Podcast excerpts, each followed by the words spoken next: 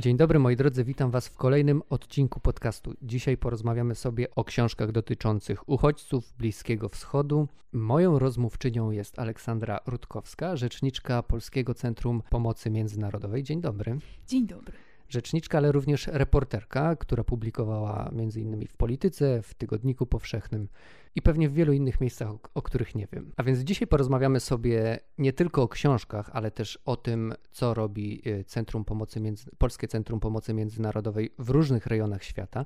Mam nadzieję, że ta część rozmowy też będzie dla Was ciekawa, bo dla mnie jest bardzo siedzimy tutaj już od 45 minut i rozmawiamy nie nagrywając, więc postanowiliśmy w końcu włączyć te, włączyć dyktafon i nagrać, bo rozmowa od razu się rozkręciła i to są bardzo ciekawe tematy. Czym jest Polskie Centrum Pomocy Międzynarodowej? Co to za organizacja?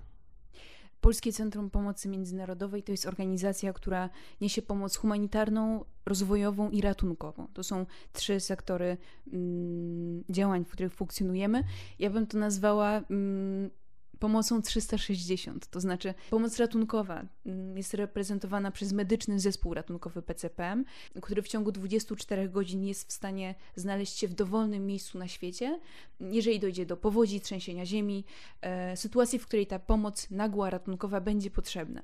Pomoc humanitarna to jest pomoc, którą fundacja niesie w krajach, których potrzebna jest natychmiastowa mm, pomoc ludziom, którzy uciekli przed wojną, prześladowaniem. To mm, przede wszystkim robimy na Bliskim Wschodzie, szczególnie w Libanie, e, tuż przy granicy z Syrią, gdzie mówimy o jakby największym kryzysie, naj najkrwawszej wojnie tego, tego stulecia, czyli wojnie w Syrii, gdzie mówimy o ponad milionie uchodźców, którzy w tym małym państwie się teraz znajdują. Więc tę pomoc humanitarną niesiemy tam od tak naprawdę początku kryzysu, bo 2012 roku wchodzimy w dziesiąty rok wojny w Syrii. My cały czas jesteśmy obecni, więc te, te sytuację monitorujemy. Ona coraz częściej przechodzi już pomoc rozwojową, którą już też niesiemy. To jest ten trzeci aspekt pomocy, który jako fundacja niesiemy to jest ta pomoc, która z jednej strony pozwala na odbudowę danego rejonu, rozbudowę, bo często jest tak, gdy mówimy o migracjach wewnętrznych, wyobraźmy sobie miasto, w którym nagle, miasto, miasteczko, w którym nagle żyje dwa razy więcej ludzi i jak sobie, jak weźmiemy pod uwagę e, fakt, że to jest dostęp do opieki medycznej, to jest kwestia kanalizacji, to jest kwestia dostępu do budynków użyteczności publicznej. Jeżeli w danym miejscu na świecie żyje dwa razy więcej ludzi, to miasto nie daje rady jako, jako jednostkę funkcjonować i, e, i, i w należyty sposób jakby stawać się domem dla, dla, dla tych ludzi. Te projekty rozwojowe prowadzimy nie tylko w Libanie, ale między innymi także w Palestynie, gdzie mamy duży problem z, z wodą między innymi i na przykład w Kenii. Trochę odejdę od Bliskiego Wschodu na chwilę, zrobię taki duży nawias, bo to jest e, państwo, w którym jeszcze w 2014 roku na 40-milionowe społeczeństwo przypadało tylko tysiąc strażaków. Dojazd do pożaru trwał czasem kilka godzin. I Kenijczycy opowiadali nam o tym, że widząc e, wóz strażacki, który przyjeżdżał po kilku godzinach do pożaru, rzucali w niego kamieniami, dlatego on miał specjalnie kraty zamontowane w oknach. I to, co my zrobiliśmy przez ostatnie kilka lat, to rozbudowaliśmy mm, system Straży Pożarnej, wsparliśmy tak naprawdę kenijskich e, strażaków, e, rozpoczynając od szkoleń, które wprowadzały na rynek nowych strażaków, następnie instruktorów, którzy mm, już mogli kolejne pokolenia Kenijczyków e, w tej materii mm, edukować. I na samym końcu zbudowaliśmy centrum szkoleniowe i to centrum szkoleniowe każdego roku e, będzie na rynek pracy wyrzucało kolejne mm, dziesiątki nowych, e, gotowych do pomocy strażaków. To też pokazuje ideę fundacji, czyli dawanie wędki, pozostawianie umiejętności, przekazywanie narzędzi, żeby tak naprawdę w przyszłości Kenijczycy sami mogli tę straż pożarną rozbudowywać bez naszego udziału. To nie chodzi o to, żebyśmy tam byli i cały czas angażowali się w to. A jest coś takiego, co Was wyróżnia spośród wielu innych organizacji, bo wiele ich działa na świecie. Ta pomoc 360, pełna pomoc, jest czymś, co Fundację PCPM wyróżnia. To, co też jest ważne i kluczowe w, w działaniu Fundacji e, PCPM, to fakt, że zaangażowani w projekty są lokalni pracownicy To jest tak, że w Libanie większość zespołu to są Libańczycy właśnie, którzy świetnie są w stanie się porozumieć z e, Syryjczykami. Bo to też jest kluczowe, że z jednej strony mówimy o języku arabskim, nasi pracownicy są właśnie arabskojęzyczni, więc e, likwidujemy te pewne bariery komunikacyjne, które jakby mogłyby powstawać, powstawać. Z jednej strony są odziani w ten płaszcz kulturowy, który pozwala im tę pomoc nieść najlepiej. A jak was można wesprzeć, jeżeli ktoś e, będzie chciał wam pomóc? Wystarczy wejść na stronę pcpm.org.pl ukośnik Liban, e, ukośnik Etiopia, ukośnik e, pomoc. W zależności od tego, jaka część świata jest dla nas najbliższa, być może jakiej chcielibyśmy okazać swoje serce i otworzyć się na, na nią, ale przede wszystkim pcpm.org.pl ukośnik pomoc i też tak naprawdę na naszej stronie, na Facebooku, na Instagramie. Dobrze, to teraz przechodzimy do książek, bo mamy tutaj taką, taki stosik, który na nas czeka i który chcemy sobie omówić. Jaką książką zajmiemy się na sam początek? Książka, od której zaczynamy, to jest e, wstrząsający dokument o wojnie w Syrii. Zaczynamy od niego, dlatego że mówiąc o uchodźcach, musimy mieć świadomość tego, i tu wrócę do definicji, to jest ta konwencja genewska, rok 51, że to są ludzie, którzy uciekają z danego rejonu świata z uzasadnionego powodu. I o tych uzasadnieniach w świetny sposób pisze właśnie e, Samar Yazbek. To jest e, Syryjka, pisarka, dziennikarka, alawitka, e, która wybrała się bo wyjechała teraz, y, mieszka prawdopodobnie w Paryżu, jeśli to się nie zmieniło. E, w 2012-2013 roku e, wracała do Syrii, przeprowadziła dziesiątki rozmów z Syryjczykami na temat tego, e, jak wygląda ta sytuacja. Te obrazy są wstrząsające. Te obrazy są. Te obrazy tłumaczą, dlaczego tak wielu ludzi zdecydowało się uciec. Możemy słyszeć e, hasła takie jak wojna, jak strach, jak przerażenie, jak śmierć, ale tak naprawdę dopiero jeżeli poznajemy konkretne historie. I te historie na łamach e, tej książki opisuje Samar, dopiero te historie pokazują nam, pozwalają sobie wyobrazić, w jak trudnej sytuacji e, znaleźli się ci ludzie to jest przeprawa, moja podróż do pękniętego serca Syrii. Bo ona w piękny sposób, e, w piękny sposób i być może to zachęci Państwa do przeczytania tej książki, bo to są słowa samej autorki tej książki. E, gdzieś tam pod betonem rozbitym na proch przez bomby, pod wykręcanym metalem, pod szczątkami i oderwanymi kończynami, w samym środku niemal kompletnie zrujnowanego domu, w ocalałych pomieszczeniach żyli ludzie. Gdybym przeczytała o tym w książce, nigdy bym w to nie uwierzyła. To są rzeczy, które ona zobaczyła, które mówi, że jako czytelniczka by nie uwierzyła, a to jest osoba z wewnątrz, to jest Syryjka, której współobywatele znaleźli się w sercu wojny. O tym, jak to cierpienie wyglądało, e, na, na łamach tej książki możemy przeczytać. O tej podróży do pękniętego serca Syrii. Tak, bardzo ciekawa jest w ogóle sama podróż do tego serca Syrii, bo ta typu, tytułowa przeprawa, książka ma tytuł Przeprawa, no jest jednym z ważniejszych, ważniejszych albo takich mocniejszych wątków, e, które możemy znaleźć w tej książce, ale powiedziałeś, że Samaria Zbek jest alawitką. Dlaczego to jest ważne? To jest ważne o tyle, że mm, Alewici to jest mniejszość w Syrii. Rodzina Asadów e, reprezentuje właśnie e, mniejszość alawicką mówiąc o tym, dlaczego tę książkę napisała, pozwolę sobie znaleźć ten cytat. Drobne zdarzenie sprowadziło mnie na trop e, i zmusiło do spisania świadectwa, które właśnie czytacie. Samar spotkała na swojej drodze e, dwóch e, bojowników i zapytała ich o to, dlaczego rzucili się w paszczę śmierci. I oni odpowiedzieli jej, ale my tam wszyscy byliśmy martwi, a bardzo chcieliśmy żyć.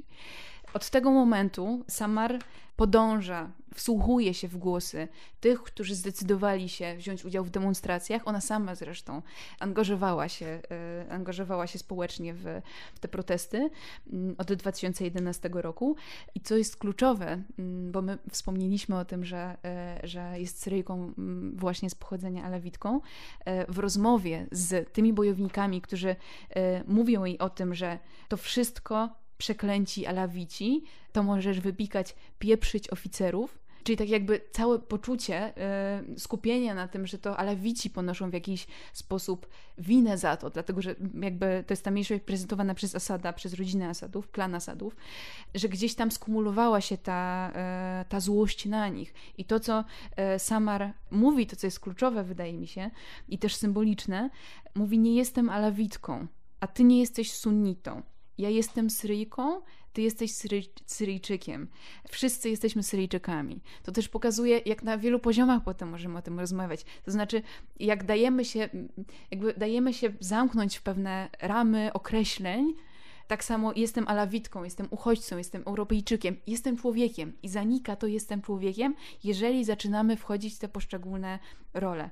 To jest książka, którą bardzo, bardzo polecam. Ona powstała w 2016 bodaj roku. Możesz mnie poprawić, jeśli tak, wydana przez charakter 2016 y, rok. Czytałam nawet, że to jest perełka wśród reportaży traktujących właśnie o Syrii, więc wydaje mi się, że, że, że warto poświęcić czas na przeczytanie tej książki. To była jedna z książek, która spowodowała, że też dla mnie ten, ten, ten konflikt ta, w Syrii i a tak naprawdę to, co się dzieje e, z Syryjczykami, spowodowało, że ja zaczęłam współodczuwać. Tak? A to bardzo dobrze świadczy o tej książce, bo o to chodzi w reportażach, żeby właśnie współodczuwać. Wspomniałaś o tych uzasadnionych powodach opuszczeniu kraju, to przypomniała mi się taka książka, która wyszła chyba rok temu w styczniu w wydawnictwie czarnym w tej serii reporters reporterskiej. Mm, tamtego ranka, kiedy po nas przyszli, Janine Di Giovanni. I to też jest taka książka, w której właśnie z bliska widzimy, jak wygląda ten konflikt. Powiedziałaś też o, o tych szufladkach, w których y, sobie różnych ludzi y, zamykamy. Zanim zaczęliśmy nagrywać, yy, mówiliśmy o pewnej książce, o której bardzo, bardzo długo rozmawialiśmy. Co to za książka? Bardzo mi ją polecałaś. Zdecydowanie polecam ją Tobie, polecam mm, ją naszym słuchaczom. E, to jest książka popełniona przez e, Zygmunta Baumana, przedostatnia jego książka, Obcy u naszych drzwi. To jest książka, która w niesamowity sposób opisuje mechanizmy postrzegania osób, o których rozmawialiśmy dotąd, to znaczy tak zwanych obcych, czyli między innymi właśnie e, uchodźców, których bardzo często wkłada się do niesprawiedliwych worków. Bo to jeszcze y, zanim zaczniemy y, mhm. się w nią wgłębiać, to nie jest książka o uchodźcach, to nie jest książka o kryzysie mm, uchodźczym w Europie, tylko to jest książka o szeroko pojętym obcym. Tak, to jest książka o pewnym zjawisku. Ona bardziej y, obrazuje to, co dzieje się w naszych umysłach. Mówię naszych bardzo szeroko. Ludzi, społeczeństw, w którym buduje się obraz obcego, który jest niebezpieczny. To jest robione poprzez dyskurs medialny, to jest robione poprzez polityków. To są pewne uproszczenia, które y, tak naprawdę prowadzą do olbrzymiej krzywdy. E, Zygmunt Bauman na łamach tej książki analizuje coś, co nazywa paniką migracyjną. Takim niepokojem i obawą przed tym, co inne, obce, nieznane.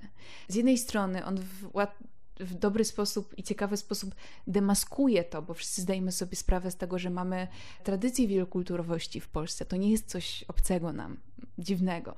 To, co jest e, dużą wartością i cenną refleksją wychodzącą z tej książki, jest takie uświadomienie nam, czytelnikom, z czego się bierze ta niechęć, ten niepokój związany z obcym, który puka do naszych drzwi. To znaczy, że wraz z tym obcym, który był gdzieś na końcu świata i działa się tam jakaś historia, jakaś tragedia, jakiś dramat, e, jakiś kryzys. To było odległe, to było dalekie, to było coś, czym mm, nie musiałem ja, Jan Kowalski, się zajmować. Wraz z uchodźcami, wraz z migrantami, wraz z tytułowymi obcymi. Przychodzi ten kryzys, przychodzi ta świadomość, przychodzi, przychodzi ten obraz świata, który kiedyś się wydawał odległy. Więc Bauman, cytując e, myślicieli, innych autorów, stara się nam uświadomić, z czego wynika niepokój, z czego wynika strach. Bardzo często uchodźców, ludzi, którzy uciekają przed wojną, nazywa się migrantami ekonomicznymi. I to, co robi Bauman, to mówi o tym zjawisku. I tutaj jest cytat. Gdy opinia publiczna już raz zaklasyfikuje ich jako potencjalnych terrorystów, migranci trafiają poza granicę i zasięg moralnej odpowiedzialności, poza przestrzeń To jest najistotniejsze. Poza przestrzeń współczucia i odruchu odpowiedzialności. To jest tak, że nagle z jednej strony zamykamy granice, zamykamy oczy, zamykamy uszy, nie chcemy mieć świadomości tego, co się dzieje. I, e, i to właśnie, i wiele jakby wątków, mm, które Bauman porusza, e, dzieje się na płaszczyźnie języka. Warto przeczytać tę książkę, żeby zdać sobie sprawę z tych mechanizmów myślenia też, e, które w świetny sposób właśnie Bauman przedstawia na łamach tej przedostatniej swojej książki. Ja bardzo lubię książki, które analizują, analizują język, bo one ujawniają bardzo często takie mechanizmy, których my też na co dzień nie jesteśmy świadomi. Nie jesteśmy świadomi, że im podlegamy, nie jesteśmy świadomi, że używamy czasami właśnie języka, który albo dehumanizuje, albo spycha kogoś, kogoś marginalizuje. Mm, więc bardzo takie książki lubię. I chyba nie powiedzieliśmy tytułu tej książki y, Zygmunta Baumana, jaki ona nosi e, tytuł? Obcy u naszych drzwi. Obcy u naszych drzwi. I co jest właśnie kluczowe, że jakby język może prowadzić do. Mm, język, który dehumanizuje, on ostatecznie prowadzi do wykluczenia. I chyba też takiego przekonywania siebie samego, że, że to, to nie jest mój problem, mm, nie muszę się tym interesować, nie chcę się tym interesować. E, I znowu wraca to, to wrzucanie wszystkich do jednego worka terroryzmu e, szeroko rozumianego. Ten wątek, to określenie terrorysta, mm, to jest to określenie, które wyciągam teraz z cytatu innej książki, o której pewnie zaraz powiemy Miasto Cierni to jest zupełnie inny rejon świata. Teraz mówiliśmy dużo o Bliskim Wschodzie. Tutaj mówimy o obozie na terenie Kenii. I to jest książka, która rok temu albo dwa lata temu była w finale e, nagrody Ryszarda Kapuścińskiego. Ona jest napisana, to jest reportaż, ale napisany jest no, bardzo napisany prawie jak powieść, bo świetnie się to czyta. To jest tak mocno fabularyzowane. I jeżeli ktoś się boi reportaży takich bardzo dziennikarskich, to może właśnie ta książka Miasto Cierni Bena Rolensa przez to, że ona jest tak napisana, to mimo, że to jest tak trudny temat, przez tą książkę się bardzo dobrze płynie. To prawda, to prawda. I to zdanie, które, na które oboje zwróciliśmy uwagę, czytając tę książkę, jak miałem opowiedzieć o imponującej godności, odwadze i duchowej niezależności tych ludzi, skoro w oczach urzędników byli potencjalnymi terrorystami to są słowa e, wypowiedziane przez e, głównego bohatera tej książki. To, co właśnie zwróciło też moją uwagę i myślę, że warto, żebyśmy gdzieś tam mm, to odnotowali, to jest takie zdanie, ten, kto ucieka, potrzebuje trzech rzeczy. To, jest, e, to są pieniądze, to jest odwaga i to jest wyobraźnia. Pieniądze dlatego, że wiele z uchodźców, także w, na Bliskim Wschodzie, właśnie tutaj e, wracam do, do Libanu, gdzie my jesteśmy, żeby przekroczyć granicę, musiało przekazywać duże środki pieniężne na łapówki. Często wyprzedawało cały swój dobytek życia, tylko po to, żeby ocalić to życie. I większość y, Syryjczyków z którymi rozmawiałam, wyjechało, uciekło, to jest lepsze słowo, uciekło z Syrii, mając na sobie koszulę, w której my rozmawiając z tymi osobami pięć lat później, mieli cały czas tę jedną koszulę, w której chodzili. Więc to jest tak, że oddali absolutnie wszystko. Większość z nich miała piękne życie, yy, piękne domy. Byli zmuszeni tak naprawdę porzucić to wszystko. Czasami nie, nie tyle zmuszeni porzucić, po prostu ich domy zamieniły się w, w gruzy to zdanie, ten kto ucieka potrzebuje trzech rzeczy: pieniędzy, odwagi. No, wymagało to też gigantycznej odwagi, bo pamiętajmy, że sama podróż jest zagrażająca życiu. Ostatni wątek to jest wyobraźnia. Wydawać by się mogło, że to, to jest rzecz niepasująca do dwóch pozostałych, bo trochę mówimy o abstrakcie, ale wyobraźnia, która pozwala ci uświadomić sobie, że jest świat, który wygląda inaczej i to jest e, o tyle trudne, że na przykład, jeżeli myślę o Sudańczykach z południa, których ja poznałam mm, na terenie Ugandy, to są ludzie, którzy nie znają innej rzeczywistości niż rzeczywistość wojenna. Sudan Południowy, przypomnijmy, to jest najmłodsze państwo świata, które e, w 2011 roku powstało, ale tak naprawdę Sudan e, w tej wojnie jest pogrążony od dziesiątek lat. Więc ci ludzie innej rzeczywistości nie znają, więc oni potrzebują wyobraźni, żeby tę inną rzeczywistość zbudować. I o ile starają się to robić w Ugandzie, bo um, obóz Bidi Bidi to jest jeden z większych na świecie obozów na uchodź dla uchodźców. Do 2017 roku to był największy obóz e, dla uchodźców. On zupełnie, wygląda zupełnie inaczej niż te obozy na Bliskim Wschodzie. On przypomina wielką wioskę wchodząc do obozu, nie wiemy tego. Dopiero jak się zderzymy z poszczególnymi ludźmi, z ich historiami, y, często bardzo trudnymi, zdajemy sobie sprawę, że to są ludzie, którzy uciekli przed wojną, przed e, prześladowaniem, przed niebezpieczeństwem. W, mm, na Bliskim Wschodzie tam widzimy te obozy, które znamy z przekazów medialnych, zbudowane z drewnianych żerdzi, z plastikowych płacht. I tam mówimy o, też o innej, e, o innej wyobraźni. E, wyobraźmy sobie, że mamy 10 lat i jedyna rzeczywistość, jaką znamy, to jest rzeczywistość widziana z poziomu prowizorycznego namiotu. Ja wiem, że rozmawiamy o książkach i e, i nie, nie możemy tutaj e, przemycać innych kanałów, którymi możemy poznawać rzeczywistość, e, ale pozwolę sobie, pozwolę sobie jednym, e, jednym zdaniem.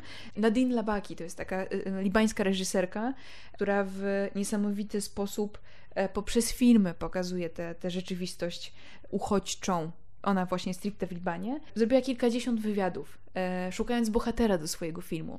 Większość dzieci powiedziało jej, że wolałoby się nigdy nie urodzić. To powinien być dla nas taki alarm, to znaczy do czego my doprowadziliśmy też jako społeczność, że w tym momencie dojrzewa pokolenie pozostawionych gdzieś na uboczu, wykluczonych ludzi, często bez edukacji, wrzuconych do pewnego worka, wracamy do tego pojęcia. Wielokrotnie spotykam się z pytaniami, czy, czy nie boję się, czy tam nie jest niebezpiecznie. To są ludzie, którzy uciekli przed tym niebezpiecznie i oni tak samo chcą uciec, tak samo chcą znaleźć to bezpieczeństwo, mm, tak jak tym bezpieczeństwem gdzieś tam osłaniają się e, wszyscy ci, którzy tym ludziom pomóc nie chcą. Ponad połowa tych młodych ludzi nie ma żadnego dostępu do edukacji, i to jest pokolenie, które przez następne lata będzie dojrzewało w poczuciu wykluczenia, nie mając żadnych narzędzi do tego, żeby tę rzeczywistość zmieniać. Więc to jest dla nas wyzwanie i to jako fundacja też staramy się robić.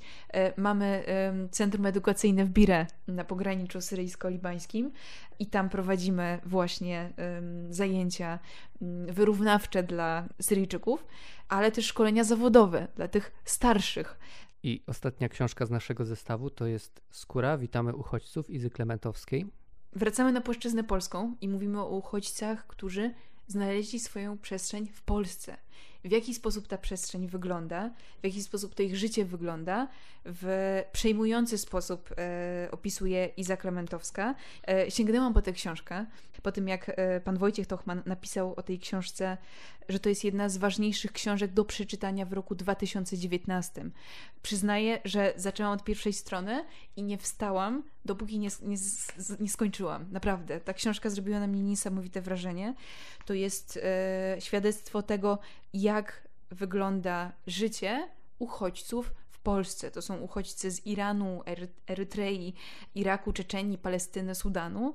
Z czym się zderzają albo z czym się spotykają, bo to często są bardzo przejmujące historie. Jest takie ładne określenie niepokoju, który się sytuuje między, w przestrzeni ludzkiej między wątrobą a duszą. I, I to jest dokładnie takie poczucie, że, że nie daje ta książka spokoju. Ona jest momentami bolesna, momentami wstydliwa. Nagle sobie wyobrażamy, że jako obywatele tego kraju wstydzimy się za to, z czym spotykają się ludzie opisani w tej książce. I... Tak, no bo to jest książka, y, która mówi teoretycznie o uchodźcach mieszkających w Polsce, ale to jest w dużej mierze książka po prostu o nas, o tym, jakim jesteśmy społeczeństwem. Tak, o tym, jakie wywołuje w nas emocje, kiedy czasem jest to obojętność, czasem jest to lęk, czasem jest to złość, a czasem są też to piękne emocje. I te też znajdziemy. Niestety jest ich mniej, i to też jest dla nas cenna lekcja. Wydaje mi się, że warto tę książkę przeczytać, bo to jest perspektywa tych ludzi, którzy mieszkają, zdecydowali się zamieszkać Polsce. Wielu z nich zdecydowało się tę Polskę opuścić, dlatego że nie chcieliśmy współodczuwać tego, co, co oni jako ludzie przeżyli. Ale poza tym, co jest, jeszcze, co jest jeszcze fantastyczne, bo mówimy, że z jednej strony to jest opowieść o uchodźcach mieszkających w Polsce, ale nie tylko, bo na łamach tej książki znajdziemy rozmowy z aktywistami, znajdziemy rozmowy z artystami, znajdziemy rozmowy z ludźmi, którzy zdecydowali się mówić głośno o tym, czym jest problem uchodźstwa, często robić to w sposób, czy poprzez sztukę, często poprzez, poprzez edukację, ale to też niestety na łamach tej książki widzimy, w jaki sposób e, to się często spotyka ze ścianą. To znaczy, to była jedna taka historia, nie wiem, czy ty ją. Bo na mnie zrobiła duże wrażenie.